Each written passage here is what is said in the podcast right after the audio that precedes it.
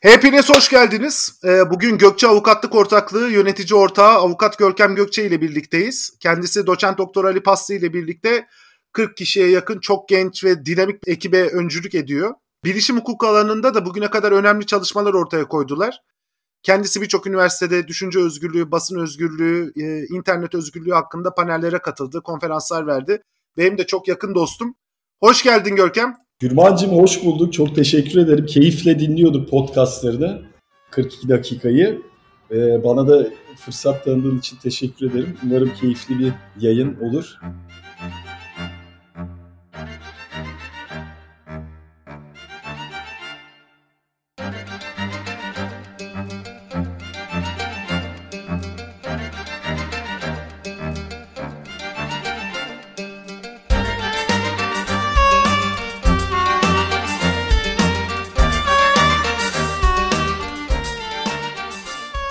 Şimdi çok güzel bir konu üzerine senden esasında senin bilgilerinden, tecrübenden istifade etme ihtiyacı hissettim. Biliyorsun geçen günlerde Hazine ve Maliye Bakanı Berat Albayrak Instagram üzerinden, sosyal medya üzerinden bir istifa mesajı yayınladı.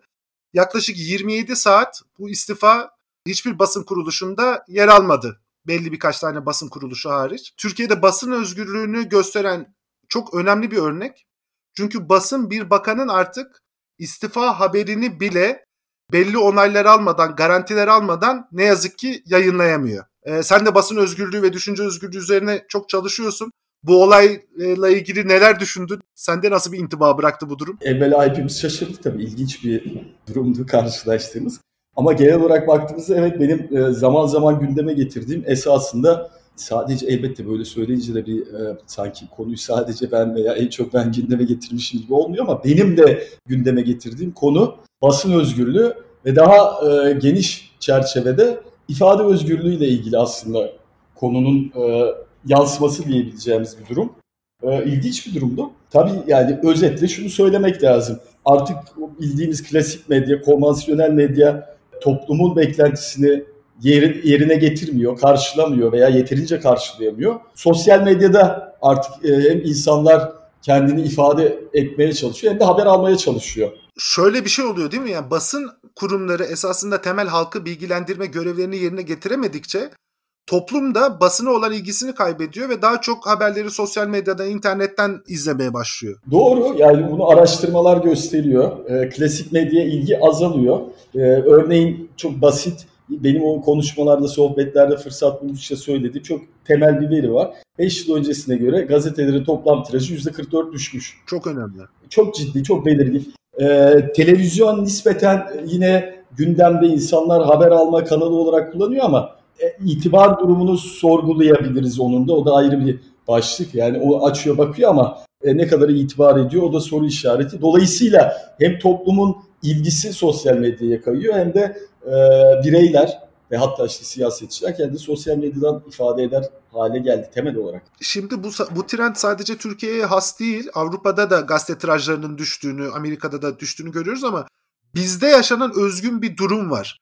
Bizde medyaya güvenle birlikte de bunlar düşüyor ve senin paylaştığın veri çok çok önemli gerçekten. E, gazete tirajları 5 yıl öncesine göre yani yarı yarıya düşmüş senin anlattığına göre. Doğru toplum buradan artık kendisini çıkmış oluyor. Buradaki itibar kaybolmasıyla ilgili en büyük sorun ne sence? En büyük sorun ya basın özgürlüğü problemi elbette. Şimdi yine rütük verilerini esas alıyoruz. E, baktığınız ulusal yayın yapan 16 tane kanalın 13'ü e, pratikte tek bir kontrol altında gibi gözüküyor. Basın özgür mü? Tabii e, soru işareti.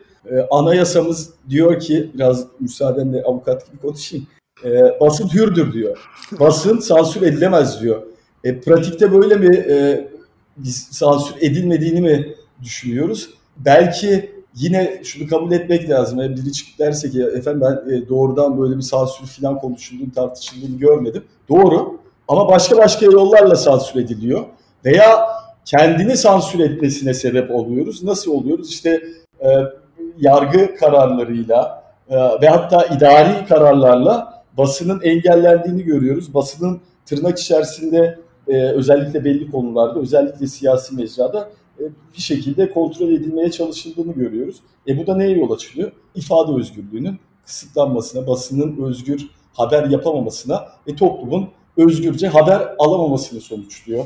Aslında herkesin e, bilebileceği, herkesin görebileceği bir, bir denklemim vardı. İfade özgürlüğü yoksa demokrasi yoktur. Demokrasi yoksa da kalkınma olmaz diyorum. Yani tersten de şöyle gidebiliriz. Kalkınma istiyorsak demokrasinin şartları tıkır tıkır e, muntazam işlemeli. Demokrasinin şartlarının işlemesi için de ifade özgürlüğü şarttır.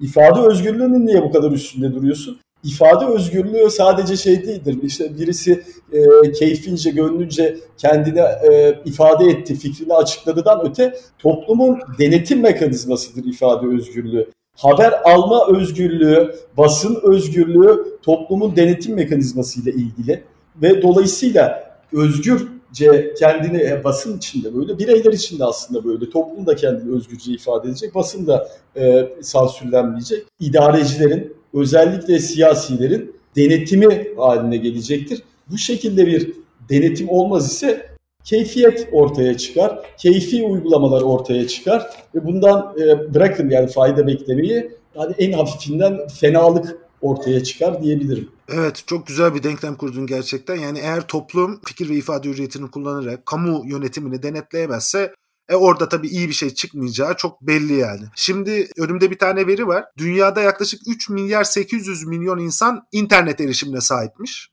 bu veriye göre. Bu insanların %71'i internet kullanıcılarının siyasi, sosyal ya da dini konularda internette yaptıkları paylaşımlar nedeniyle tutuklandığı ülkelerde yaşıyormuş. Yani dünyadaki 3 milyar 800 milyon internet kullanıcısının %71'i esasında internet özgürlüğünün kısıtlı olduğu, sansürlendiği ülkelerde hayatlarına devam ediyorlar. Türkiye'de bu ülkelerden bir tanesi. Türkiye'de internet özgürlüğü bakımından manzara ne? Erişim engelleri nasıl veriliyor? Hangi kurumlar yetkili ve ortaya çıkan tablo ne? Bugünkü yasal mevzuat çerçevesinde. Ona gelmeden evvel senin söylediklerini aslında bir müsaadenle ilave yapayım, katkı yapayım. Türkiye e, Avrupa İnsan Hakları Mahkemesi kararlarında ben yine fırsat buldukça söylüyorum. ifade özgürlüğü e, ne ilişkin kararlarda birinci. Yani sanatta, sporda, edebiyatta, bilimde birinci çıkmıyoruz ama ifade özgürlüğüyle ilgili kararlarda birinci çıkıyoruz Avrupa'da. En çok ihlal yapan ülke olarak. En çok ihlal yapan ülke olarak birinci çıkıyoruz. Ee, bununla birlikte şimdi sosyal medya cephesine geldiğimizde orada zaten tablo vahim 2019 yılı sonu itibariyle Türkiye'den 408 bin 494 web sitesi erişime engellenmiş. İfade Özgürlüğü Derneği'nin Engelli Web 2018 raporuna göre 2018 yılı sonu itibariyle Türkiye'den toplam 245.825 alan adı erişime engellenmiş. Yine e, Türkiye'den 2018 yılı sonu itibariyle 347.445 alan adı ve web sitesi erişime engellenmiş. Tabii ya burada en ilginci biliyorsunuz e, teknik bakımdan ele aldığımızda konuyu yani hukuki bakımda ele aldığımızda esas ne olmalı? Elbette e, belli toplumun faydası var ise erişime engelleme kararları meşru ve yasal kabul edilecektir. Ancak bizde e, tuhaf bir durum var. İdarenin de e, ciddi bir şeyi var. Erişim engelleme yetkisi verilmiş ve bu gitgide genişletiliyor. Bizim haberimiz bile yok. Kusura bakma şurayı bir tekrar bir altını çizelim. Çok önemli bir şey söyledin. Diyorsun ki 2019 yılı itibariyle yaklaşık 400 binden fazla alan adı ve web sitesi erişime engellenmiş. Doğru. Ve bunun önemli bir kısmı idari kurumlar tarafından engellenmiş. Doğru. Ya tam olarak ona geliyordum. Aslında şunda e, yani bir e, ifade özgürlüğü tartışması mahkemede e, değerlendirilip e, yasal bulundu bulunmadı tartışmasının neticesinde hukuki değerlendirmenin hukuki tartışmaların sonunda alınmış olsa biraz konuyu belki farklı ele alacağız. Yani hukukçuya yargı kararıdır filan diyeceğiz ama şimdi bambaşka bir işin boyutu var. Türkiye'de erişim engelleme yetkisi diye bir başlık açalım. Bunu dediğim gibi yani ilk e, yargı organları bununla yetkili değil mi? Buna kimse şaşırmıyor. Bunu bilmek için avukat olmaya gerek yok. Yani mahkemedir, savcılıktır, e, hakimdir, savcıdır bunu talep edecek veya karar verecek. Bunda işte e, yasada zaten yeri var. Olması da normal, makul. Bize has olan bir durum e, Türkiye'de böyle e, konuyla pek de ilgisi olmayan idarelere de bu yetki verilmiş. Mesela kime verilmiş? Doğrudan Cumhurbaşkanlığı ve ilgili bakanlıklara. Telekomünikasyon İletişim Başkanlığı, Erişim Sağlayıcıları Birliği olabilir. Sağlık Bakanlığı, bakın şimdi başlıyor şeyler, ilginç idari e, konular, idari kurumlara bakalım birlikte. Sağlık Bakanlığı, Sermaye Piyasası Kurulu, Tarım Orman Bakanlığı, Tütün ve Alkol Dairesi Başkanlığı, Milli Piyango İdaresi Genel Müdürlüğü. Yani Milli Piyango ne yapacak? Yani loto ile ilgili nasıl bir hassasiyet olabilir hiç aklım almıyor. Tali Oyunları Daire Başkanlığıymış bir de. Yani gerçekten Lotoyu Toto'yu falan konuşuyor olmalıyız. Türkiye Jokey Kulübü. Spor Toto Teşkilat Başkanlığı. Ya gerçekten Spor Toto'dan falan bahsediyoruz. Spor Toto'yla ilgili nasıl bir hassasiyet olabilir merak ediyorum. Yetmiyor. Diyanet İşleri Başkanlığı Din İşleri Yüksek Kurulu'nun yetkisi. Dinleyiciler lütfen dikkat etsinler. Yani cümle uzadı uzadı buralara geldi. Diyanet İşleri Başkanlığı Din İşleri Yüksek Kurulu'nun erişim engelleme karar şeyi var, yetkisi var. Bu yönde karar verme yetkisi var. Diyanet İşleri Başkanlığı'nın Muhsal Hafları İnceleme ve Kıraat Kurulu diye bir kurulu varmış. Ben de ilk defa gördüm raporu okuyunca. Bunun erişim engelleme yetkisi var. Yani güldürüyor ama işte vahim, durumumuz vahim. Gürmancı bitmiyor. Bu liste böyle devam ediyor. Rütük gidiyor. Yüksek Seçim Kurulu, e, Tüketici Koruması Piyasa Gözetleme Genel Müdürlüğü, Maliye Bakanlığı vesaire vesaire gidiyor. Ya yani ilginçtir. Şimdi mesela merak ediyorum bu at yarışları hakkındaki kanun kapsamında nasıl bir e, e, durum olabilir de erişim engellemesi kararı gerçekten toplumun menfaatine e, ilgilendiriyor olabilir. İlginç. Ya senin söylediğin o kadar önemli ki şimdi en başta zaten yargı kurumlarının tabii ki denetim yetkisi vardı. O yüzden yargı kurumu diye bir şey kuruyoruz değil mi toplum olarak? Diyoruz ki bu ülkenin hukukuna, genel haklara aykırı bir şeyler olursa bağımsız yargı kurumları gitsin bunu denetlesin ve orada toplum menfaatini korusun. Ondan sonra idareye hadi belli bir yetki veriyoruz da ya şey çok ilginç yani Jokey kurumu diyorsun değil mi? Türkiye Jokey Kulübü'nün şu an Türkiye'de açılan bir internet sitesine erişime engelleme hakkı var. Doğru. Mesela şunu yapmıyor. Ya kardeşim siz idari organları gidin şu yargı kurumuna ya da hadi bu konularda daha geniş yetki verdiğimiz acil durumlar için işte iletişim işleri başkanlığına başvurun onlar değerlendirsin. Hayır onu demiyor. Doğrudan yetki veriyor. Ve şey de ilginç. Diyanet İşleri Başkanlığı'nın iki tane kuruluna ya zaten Diyanet İşleri Başkanlığı bu etkisi var. Bir kurulun neyine etmiyor? Yani her alt müdürlüklere kadar inmiş bu erişim engelleme etkisi. Tabii tabii çok problemli. Zaten esasında aslında dediğin doğru. Yine e, bu başlığın altındaki konuşmanın başında söylemiştik. Zaten olan bir şey var, usul belirlenmiş. Anayasaya da uygun, altında yasalarda düzenlenmiş. Yargı makamları buna verebilir. Yani şey de oraya gidebilir bu arada. Yani idari e, kurumlar da oraya başvurabilir. Onların hakkı falan değil ki. Ha şunu da anlarız yani mesela senin dediğin yöntemle hadi e, dolaylı olarak başvuru hakkı olsun nasıl olabilir? Efendim bununla ilgisi olana dediğin gibi işte TİB'e başvursun veya erişim sağlayıcı birliğine onlar kendi aralarında belki prosedürü hızlandırmak için özel bir usul düzenlenir ama doğrudan buna müdahale yetkisi vermek tabii ilginç, enteresan ya. O bize yine has bir durum olmuş. Yani yargıyı bypass ediyoruz burada. Dikkat edelim. Evet. Burada esasında yargının elindeki bir yetkiyi yürütme organına veriyorsun ve onu esasında birazcık da çok geniş bir alan açmış oluyorsun. Ne oluyor peki bunun sonucunda? Tam bir tabloyu söylesene bize. Bunun sonucunda e, keyfilik oluyor aslında bana göre yani en basitinden. Ama şu tabii yani biraz daha teknik konuşacak olursak haber alma hakkı kısıtlanıyor. Daha doğrusu şöyle idare hangi haber yayınlanacak ona karar veriyor. Özeti budur bunun. Orman Bakanlığı, Milli Piyango İdaresi, Jockey Kulübü, Spor Toto Teşkilatı falan karar verebiliyor bizim düzenimizde. Hangi haber yayınlanır, hangisi kaldırılır diye. Senin elinde bu veriler vardır. Erişim engeli, silinen haberler vesaireyle ilgili tablo ne bu idari tasarruflar sonucunda? İdari kararları esa- esas aldığımızda online haberleri e, gidelim. E, Hürriyet gazetesi 2019 itibariyle 336 engelleme engelleme talebinden 318'ini yerine getirmiş silmiş yani. Silme oranı %95. Ona karşılık mesela yine hani rastgele söyleyeyim. Diken hiçbirini silmemiş. Bir gün e, bir kısmını %24'üne uymuş filan. Yani baktığınızda bazı haber organları, bazı yayın organları diyelim bunu birebir neredeyse uyguluyor. Yani idareden gelen karar. Bazıları biraz daha temkinli yaklaşıyor. Herhalde oradaki sayıkta olağan beklendiği gibi efendim toplumun haber alma özgürlüğü var diyebiliyor bazı. Bazı demek ki bunu diyemiyor. Öyle algılamak lazım. Yani rakamlar bunu söylüyor. Yani burada e, doğrudan bir haber sitesine gidip idare bir erişim engeli getiriyor bir haberle ilgili. E, gazetede kendi haberin arkasını durmak ya da yargı yolunu tercih etmek yerine bunu siliyor. Dolayısıyla toplum esasında bu habere erişim hakkını kaybediyor. Oh. İnternet özgürlüğünün temeli şöyle bir şey Biz internetten hem fikirlerimizi ifade edebiliyoruz hem bilgi alabiliyoruz. Bizim bilgi alma hakkımız yani bu pasif hakkımız bile sınırlanmış durumda. Doğru kesinlikle öyle. İki yönü var bu işin tabii ki. Hem yani ifade özgürlüğünün altında aynı başlık altında basın özgürlüğü basın, basın özgürlüğü ve haberleri yayma, paylaşma e, ve diğer taraftan da vatandaşın, bireyleri, toplumun haber almasıyla ilgili. Benim böyle dikkatimi çekmişti. Yine bu idari karar alınanlardan örnekler. Diken'deki haber. Cağaloğlu Anadolu Lisesi'nin müdürü öğrencilerin harçlığına haciz koydurdu. Bu haber siliniyor mesela. Veya AKP milletvekili Ravza Kavakçı İBB'den maaş alıyor diye haber çıkıyor. E, artı gerçekte sendika orada bunlar e, idari karara muhatap oluyor. PTT diyor ki varlık fonuna devredildi artı gerçek 900 milyon lira zarar etti diyor. Bunu toplumun Gürbancığım kamuoyunu bilmesi gerekiyor. Bunu tartışıyor olmamız gerekiyor. Bunu bilmesi için belli yayınların tabii ki paylaşılıyor olması gerekiyor. Yani e, basının özgürce kendini ifade edebilmesi gerekiyor. Ya o kadar ilginç, o kadar durum komik hale geldi ki erişim engeli haberine erişim engeli geliyor.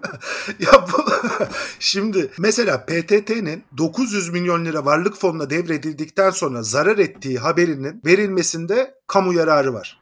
Neden?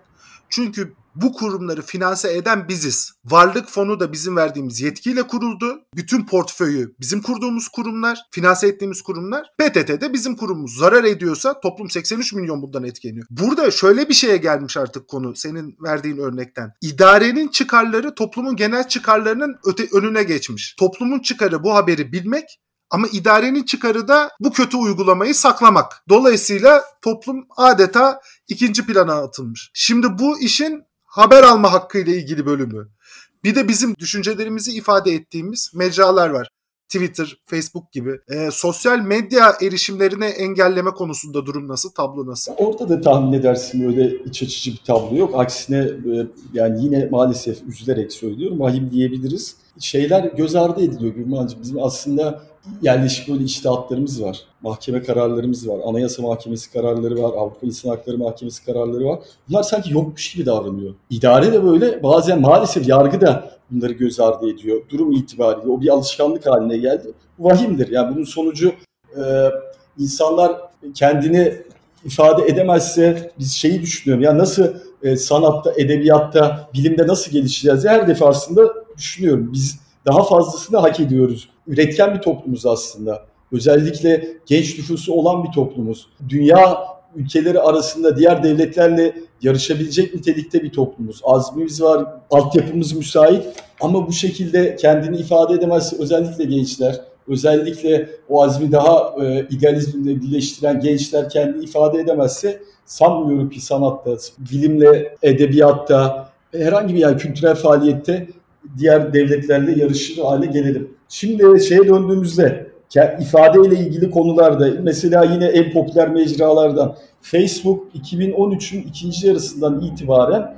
şeffaflık raporları yayınlıyor. Son şeffaflık raporu da 2019'un sanıyorum ikinci yarısı için yayınlanmıştı. Şimdi 2013 ile 2017 sonuna kadar esas alındığında, o dönem esas alındığında Facebook Türkiye'den toplam 24.137 içeriği çıkartmış. 2019 içerisinde ise toplam 1135 içeriği çıkarmış. Bu da bizi şöyle yine e, dinleyicilere fikir versin diye genelde dünyada 8. yapıyor. Son o 2019 esas aldığımızda da dördüncü yapıyor dünyada. Ya kimler bizi geçmiş? Pakistan, Meksika, Rusya filan bizi geçebilmiş. Özetleyeyim. Kullanıcılar bir bakıma da artık kendini sansürler hale gelmiş. O da gözüküyor rakamlardan. Gençler şunu söylüyor, araştırmalar şunu gösteriyor. En büyük talep gençlerin idareden, yönetenlerden, muktedirden en büyük talebi kendini özgürce ifade etmek. Çok saf bir talep. Ortak arkadaşımız SODEV Başkanı Ertan Aksoy, onun Aksoy araştırma üzerinden de yaptığı bir araştırma var. Gençlik raporu. Sen de biliyorsun bizde de paylaşmıştı. Ee, gençlerin en büyük kıymet verdiği değer, bir numaralı, en çok öncelik verdikleri konu kendi düşüncelerini serbestçe ifade edebilir. Bu artık küresel bir gerçek. Bu dünyanın genç çocukları yeni teknolojilerle ve çağdaş içinde yaşadığımız yaşam sebebiyle kendi düşüncelerini ifade edemedikleri, bunun engellendiği bir mekanizmayı, durumu zaten kabul edemiyor. Türkiye bu gerçeklikten çok uzaklaşmış senin gösterdiğin tabloya göre. Yani Facebook'ta bu kadar içerik engelleme yapılırsa esasında insanların kendilerini ifade etme hakkı ellerinden alınmış oluyor. Ussal'la da konuşmuştuk. Dünyada biliyorsun trend işte bu sosyal medya mecralarını biraz regüle etmek yönünde gidiyor ama orada regülasyonun amacı yalan bilgilerle toplumsal dinamiklerin etkilenmesini engellemek. İşte bu Amerikan seçimlerinde olduğu gibi falan. Ee, bizde ise tam tersi toplumun kendini ifade etmesini engellemeye doğru gitmiş iş. Değil mi? Twitter'daki durum da yani Facebook'ta aslında daha çarpıcı gözüküyor rakamlar. Belki biraz daha bizim tartıştığımız konuları daha belirgin hale getirmiş. Şimdi yine maalesef üzülerek söylüyorum. Yine burada da şeyimiz var Gürmancığım. E, dünya liderliğimiz var. Ve açık ara dünya lideriz. Üç başlık altında Twitter mecrası ile ilgili dünya liderliğimiz var. Birincisi bizim avukat olarak daha çok hukukçuların daha çok ilgisini çekiyor. Twitter'la ilgili 77.397 mahkeme kararından toplam 5487'si yani %74'ü mahkeme kararlarının Türkiye'den gönderilmiş. Yani Twitter'a bütün dünyadan ulaşan mahkeme kararlarının %74'ü mü dedin? Mahkeme kararlarının bütün dünyadan ulaşan kararla %74 Türkiye'den gitmiş. Çok büyük başarı. İkinci kalemle... Açık ara birinciyiz burada. İkinci e, yani yine ilgi, ilgimizi çeker biz. Yani Rusya ile farklı farklı yönlerden biliyorsun ilişkimiz var. Zaman zaman e, dostça zaman zaman belki rakip oluyoruz filan. E, ikinci sırada Rusya var. Aradaki farka bakın 1096. Yani Rusya'da bu arada biliyorsunuz hani bu bakımdan gurur duyulacak bir memleket değil. o üçüncü sırada Brezilya var. Brezilya 336 karar vermiş bununla ilgili Twitter'a ulaşan. Mahkeme kararı. Mahkeme kararı. Evet. Ve toplam yine söyleyeyim bu ilginç. Toplam 7396 mahkeme kararının 5487'si Türkiye'den Gürmancığım. Twitter özelindeki. Twitter özelindeki birinci liderliğimiz. İkinci liderliğimiz yine Twitter rakamlarını esas aldığımızda dünya genelinde genel toplamda Twitter'dan toplam 181.271 hesabın kapatılması veya ülke bazında görünmez kılması talep edilmiş. Twitter toplamda sadece 2877 hesabı kapatmış veya görünmez kılmış. Şikayet konusu hesap sıralamasında Türkiye bilin bakalım nerede liste başında 84.258 talep var Türkiye'den. Bütün dünyadaki taleplerin %46'sı. Yani 180 bütün dünyadaki 190 ülkeden gelen 181 bin talep var toplam. Bunun 81 84 bini sadece Türkiye'den gelmiş öyle mi? Bütün dünya %54, Türkiye %46. Şimdi yine burada şey sıralama gidiyor. Yine Rusya ikinci, Japonca üçüncü, Hindistan filan filan Rusya 16.209 hesap Rusya'dan e, talep edilmiş. 10.960 hesap e, Japonya'dan talep edilmiş. Böyle gidiyor liste. Yani Rusya'dan 5 kat fazlayız neredeyse. Çarpıcı bir şekilde öndeyiz. Üçüncü başlık, bu da bitmiyor maalesef birinciliklerimiz. Twitter başlığı altında sadece. Twitter tarafından kaldırılan veya görünmez kılınan tweetlerle ilgili. Bu da biliyorsunuz son dönem popüler oldu. Şimdi ona gelmeden rakamları söyleyelim. Dünya genelinde Twitter 2019 birinci yarı yıl sonu itibariyle 21.674 tweet'i kaldırmış veya görünmez kılmış. Kaldırılan veya görünmez kılınan tweetler sıralamasında Türkiye yine birinci sırada 11.601 adet tweetle ilk sıradayız. Yani %53.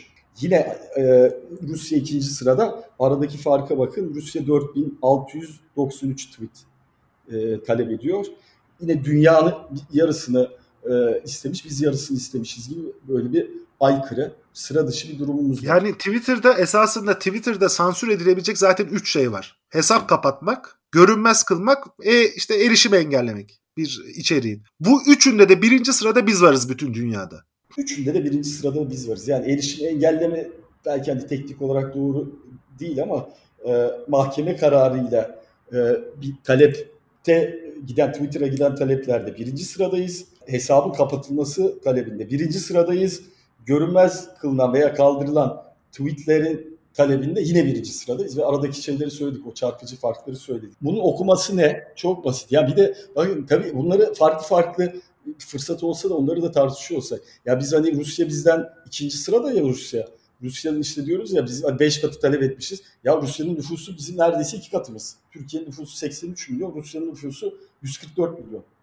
Ona rağmen biz 5 katı talep etmişiz. Ya belki bizim onun yarısı kadar olması lazım. Öyle baktığınızda yani bizim bir hani 10 katı iştahımız var bu konuda diye düşünebiliriz. Senin anlattığın tabloda şöyle ilginç bir sonuç da ortaya çıkıyor. Mesela Almanya'nın da nüfusu 83 milyon. İşte Rusya'nın 140 milyon. Fransa'nın hemen hemen 80 milyon. Sırf idare bakımından baksak bile ya bu ülkedeki insanların tamamının bizim ülkemizdeki insanlardan daha kurallara uyan, daha az hakaret eden, daha az yalan söyleyen insanlar olması mümkün mü? Yani bizim toplumumuzda bir ahlak eksikliği mi var genele göre? Demek ki buradaki sorun şu. idare burayı esasında baskılamak istiyor ve insanların kendilerini bu mecralardan özgürce anlatmasını engellemeye çalışıyor. Almanya örneğinden gidelim. Almanya'da az evvel dedik ya yine Twitter'ın şeffaflık raporuna göre 2019 rakamımız bizim sadece 2019'da mahkeme kararını söyleyeceğim.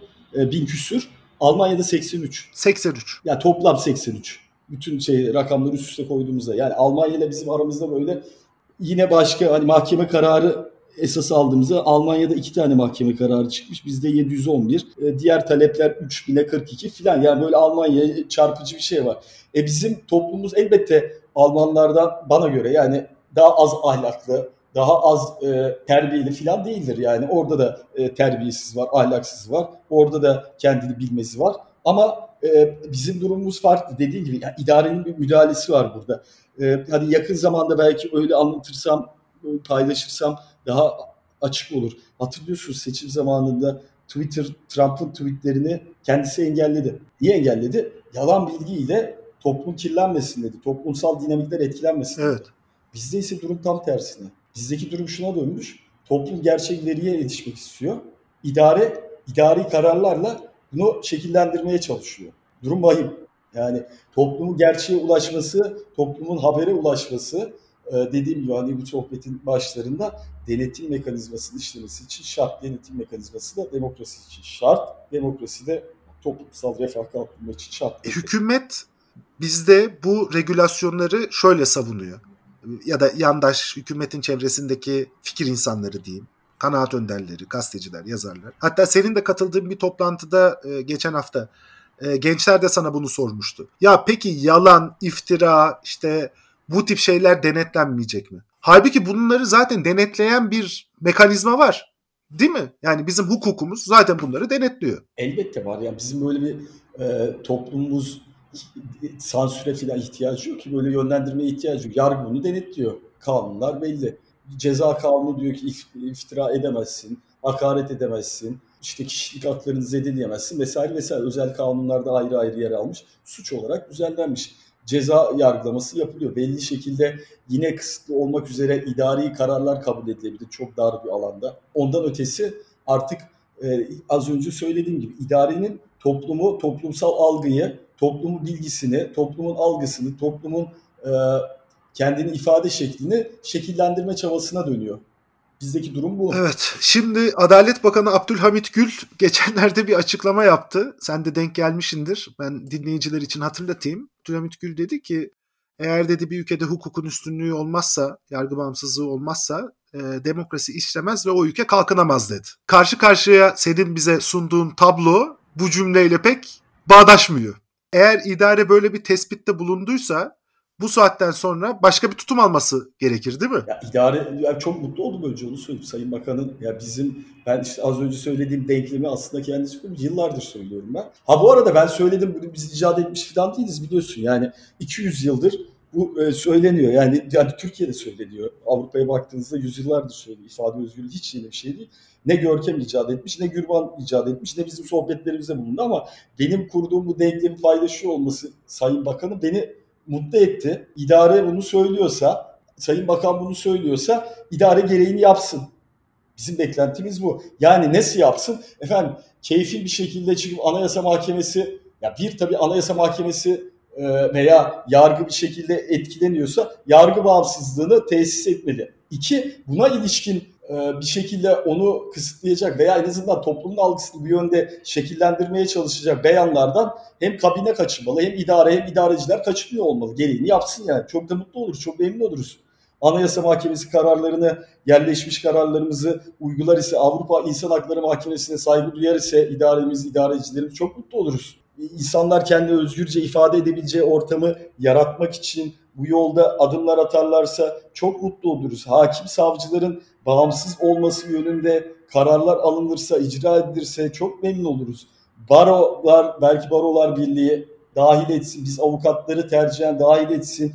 Tüm paydaşları, sivil toplum kuruluşları da olabilir bu paydaşlar arasında. Ortak akıl ile fikir ve ifade özgürlüğünün altyapısını tesis ederse çok mutlu oluruz Gülmancığım. Çok seviniriz.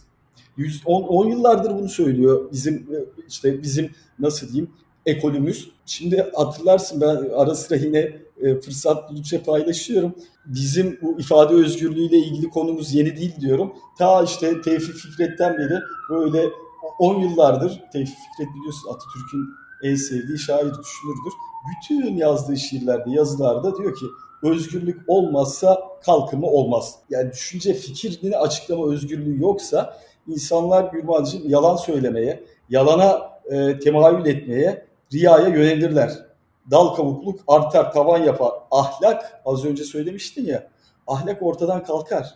Ahlakın ortadan kalktığı bir ortamda da her türlü artık e, onun arkasını önünü kesemeyiz. Her türlü fenalık, kötülük beklenebilir. Ya bu söylediği şu açıdan da çok önemli. Genel olarak bu işte 18. E, 19. yüzyıldan itibaren başlayan bütün bu e, özgürlükçü felsefenin temelinde fikir ve ifade hürriyeti üzerinde çok durmalarının temel nedeni şu. Fikir ve ifade hürriyeti olmazsa doğru toplum kendini denetleyemez ama ikincisi şu. İnsanların kendi fikirlerini, düşüncelerini özgürce söyleyemedikleri, ifade edemedikleri bir ortamda insanlar yalan söylemeye mecbur olur. İnsanlar dalkavuluk yapmaya mecbur olur ve bu da toplumsal ahlakı ortadan kaldırır.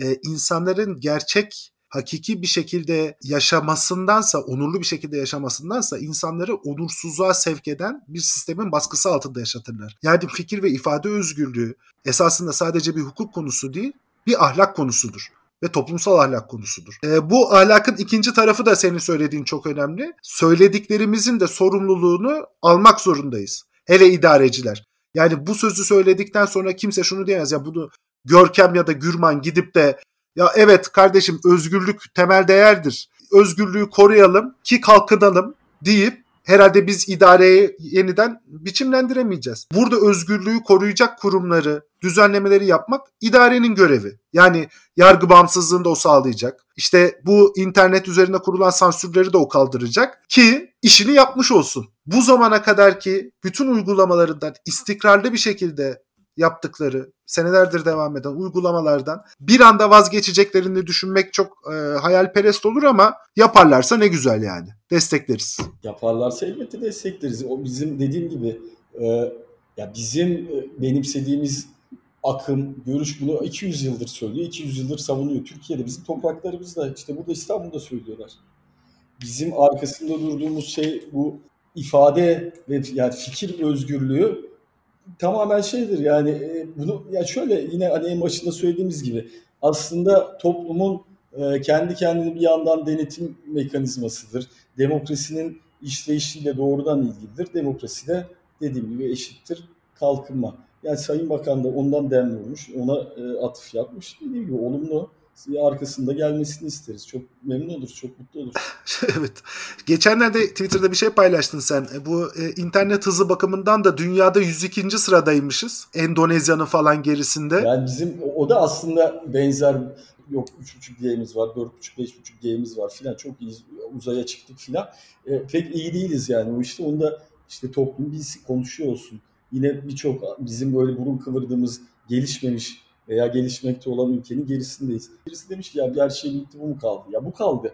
Çünkü orada toplum haber alır. İnternete muhtacız günümüzde. Toplum internetten ne yapıyor? Eğitim alıyor, eğitim veriyor, ifade kendini ifade ediyor, haber alıyor, haber veriyor. Basın internetle iç içe. Yani toplum artık e, toplumun gelişmesi o internetten ayrı düşünülemez aslında üst üste geçmiş durumda. Onu vurgulamak istedim. Bir de internet altyapısı ne kadar güçlü olursa senin de çok iyi bildiğin ve ilgilendiğin, yardımcı olduğun birçok startup'ın gelişmesi, dünyayla e, rekabet edebilmesi, birçok şirketin faaliyetlerini internet üzerinden sürdürmesi de o kadar kolay oluyor. Yani bunun ekonomik katkısı da var ve yapılacak tek şey alt üstü internet altyapısına yatırım yapmak onu bile becerememişiz doğru düzgün gibi gözüküyor. Yani öncelik vermemişiz. Bir de tabii garip olan bazı insanlar eminim ya benim etrafımda öyle olduğu için yani toplumun da genelinde öyle olduğunu düşünüyorum. Ya bizim sanki internet altyapımız falan teknoloji altyapımız, haberleşme altyapımız çok iyi.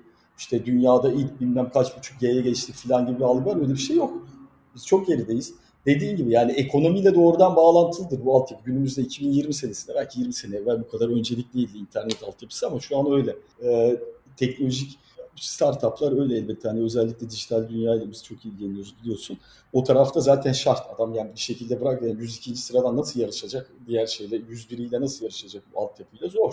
Çok teşekkür ederim e, Görkem Gökçe. Fikir ve ifade hürriyeti alanında e, özellikle internet özgürlüğü alanında bizi çok kıymetli bilgilerle, çok güzel fikirlerle donattın. Bize bunları sundun. Ağzına sağlık. İnternet özgürlüğünün bugün artık dünyada bir temel hak olarak kabul ediliyor. Anayasal bir hak olarak kabul ediliyor. Bazı ülkelerde bedava internet hizmeti kendi vatandaşlarına verilmesi tartışılıyor. Biz ne yazık ki bu çağın çok gerisindeyiz. Şöyle bir yazık ülkemizin yaşadığı talihsiz bir kader var. Tevfik Fikret'ten bahsettin sen. Tevfik Fikret de kendi yaşadığı dönemde birçok hatayı yapmış bir ülkede. Çağı yakalamak için atılması gereken adımları söylüyordu. E, bu ülkenin gençleri ne yazık ki hala e, bu topraklarda aradan yüzlerce yıl geçtikten sonra çağın çok gerisinde kalmış kurumlar bakış açılarıyla mücadele edip atılması gereken çok temel adımları söylemek zorunda kalıyorlar. Sen de bunlardan bir tanesisin. Umarım ilerisi daha iyi olur. Umarım öyle olur. Hepimiz için, toplumumuz için, e, özellikle gençlerimiz için. E, çok teşekkür ederim konuk ettiğin için 42 dakikaya Gürman. Umarım katkı yapabilmişimdir. Diğer yayınlarında başarılar, e, ilgiyle takip ediyorum. Ben hem tabii dostumuzun dışında ciddi bir şeyim. 42 dakika e, feniyim öyle diyeyim. e, tabii tabii. E, çok teşekkür ederim. Umarım diğer yayınlarda bundan sonraki bölümlerde bugüne kadar olduğu gibi çok verimli, çok böyle yerinde gidecektir eminim. Teşekkür ederim tekrar tekrar. Ben teşekkür ederim. Herkes de Avukat Görkem Gökçe'yi Twitter hesabından ve Instagram'dan takip edebilir. Bu arada hazır böyle sosyal medya takibine başlamışken 42 dakikanın da bir tane Instagram hesabını açtım. Çok güzel sorular falan geliyor. Oradan insanlarla muhabbet ediyoruz. Bir de bu e, Türkiye'nin çağdaşlaşma tarihi serisiyle ilgili e, bölümlerde söyleyemediğim, gösteremediğim bir şeyleri de oralardan göstermek e, fırsatına sahip oluyorum. Dolayısıyla yayını buraya kadar dinleyen arkadaşlar da hop Instagram'dan 42 dakika diye aratıp takip edebilirler. E, hepinize görüşmek üzere. Çok sağ olun.